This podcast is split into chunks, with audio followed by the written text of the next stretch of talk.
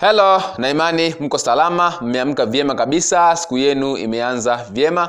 Uh, moja kwa moja katika siku ya leo nahitaji kushea na wewe mbinu moja muhimu sana ya kupata shuhuda kiharaka kutoka kwa wateja wako au mbinu ya kupata mteja mpya haraka haraka kutoka kwa mteja wako ulionayo muda huo. Japo mbinu hii nilishakuishare zamani sana lakini nimeona niikumbushe tena kwa sababu inafanya kazi sana. Na kama uliikosa basi ni muda sahihi wa kuipata na kuweza kuitumia kwa sababu mbinu hii imekuwa na matokeo mazuri na makubwa sana kwa wauzaji wengi wa bidhaa na huduma niliyoshea nao mbinu hii. Iko hivi. Pindi unapouza bidhaa ama huduma theni mteja akaja katika sehemu yako ya biashara akanunua bidhaa yako au huduma yako. Baada ya kununua bidhaa ama huduma yako mwambie hivi au muombe akumbuke watu wake wa karibu watatu mwenye uhita, wenye uhitaji kama wa kwake ama wenye tatizo kama lake ambao anahisi kwamba wao pia watafaidika na bidhaa ama huduma yake. Then baada ya kuwakumbuka mwombe awapigie simu muda huo huo then awatambulishe kwako.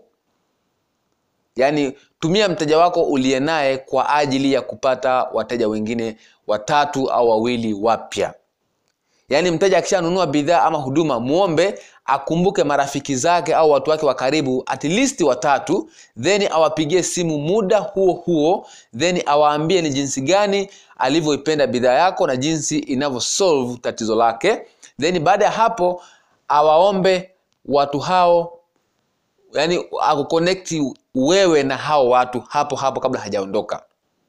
Yaani aitambulishe bidhaa yako yeye sio wewe na awaambie ni jinsi gani alivyoipenda bidhaa yako na jinsi gani anavyoamini kwamba itasolve tatizo lake. Then baada ya hapo kama anahisi kuna mtu ambaye pia ana uhitaji kama wake ampigie simu muda huo huo. Hakuna nguvu kubwa kama nguvu ya mteja kukutambulisha kwa mteja mwingine ambaye ni rafiki yake.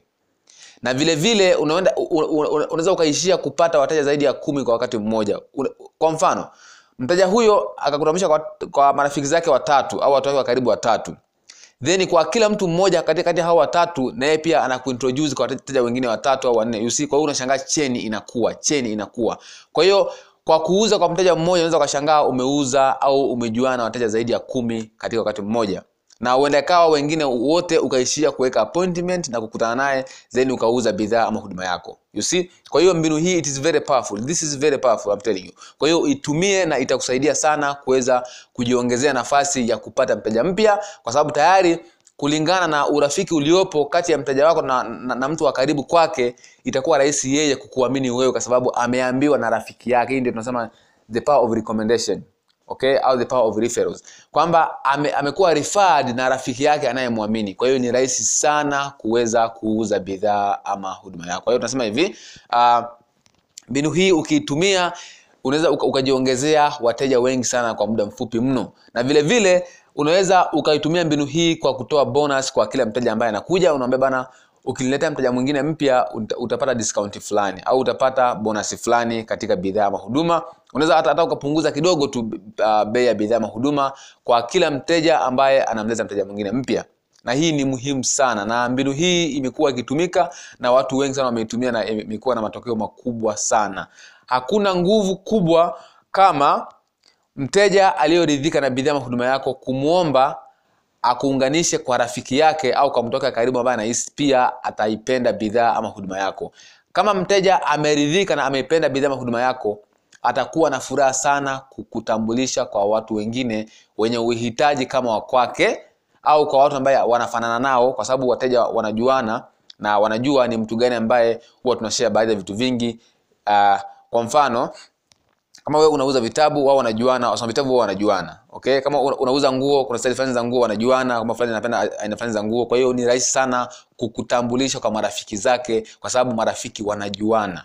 Kwa hiyo mbinu hii ukiitumia itakusaidia sana kuweza kujipatia wateja wapya kupitia kwa mteja wako mpya yaani unatumia mteja wako kupata mteja mwingine mpya. Mbinu hii this is, it is very powerful na itakusaidia sana kuweza kujiongezea nafasi ya kuuza. Kwa hiyo kama ulikuwa huitumii anza kuitumia sasa hivi. Na kama uh, ulikuwa unaipuuza mbinu hii sasa nikutoe wasiwasi kwamba mbinu hii inafanya kazi sana.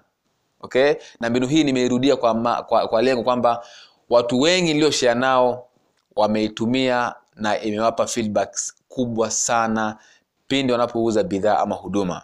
Unaweza ukashangaa kwa wa- wateja wawili wanaokuja kwa wateja zaidi ya watatu okay? Unapata wate- wate- wateja wapya watatu wateja wapya wanne bila kujua. You see kwa hiyo kwa sababu tu umetumia mbinu hii unaomba kwa mteja wako akutambulishe kwa wateja wengine ambaye anawajua ambao ni marafiki zake au watu wake wa karibu wenye uhitaji kama wa kwake au wenye tatizo kama la kwake then itakuwa rahisi sana kuweza kuuza bidhaa ama huduma na kujipatia wateja wapya kwa gharama ndogo zaidi. Hii tunasema the power of mouth. Okay? Na hakuna mteja ambaye huwa ananunua bidhaa ama huduma kwa haraka kama mteja aliyopewa taarifa na rafiki yake. Ndio maana tunasema hivi nguvu kubwa ya kutangaza bidhaa ama huduma ni nguvu tunasema the word of mouth yani nguvu ya maneno ya mdomoni. Yaani mtu kumwambia mtu mwingine.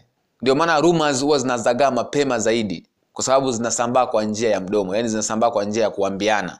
Okay? Kwa hiyo mbinu hii ni ina, ina, ina pawa kubwa sana kwenye kuuza bidhaa mahuduma na mbinu hii ina pawa sana katika kupata wateja wapya. Na ni watu nasema hivi watu humfata mtu.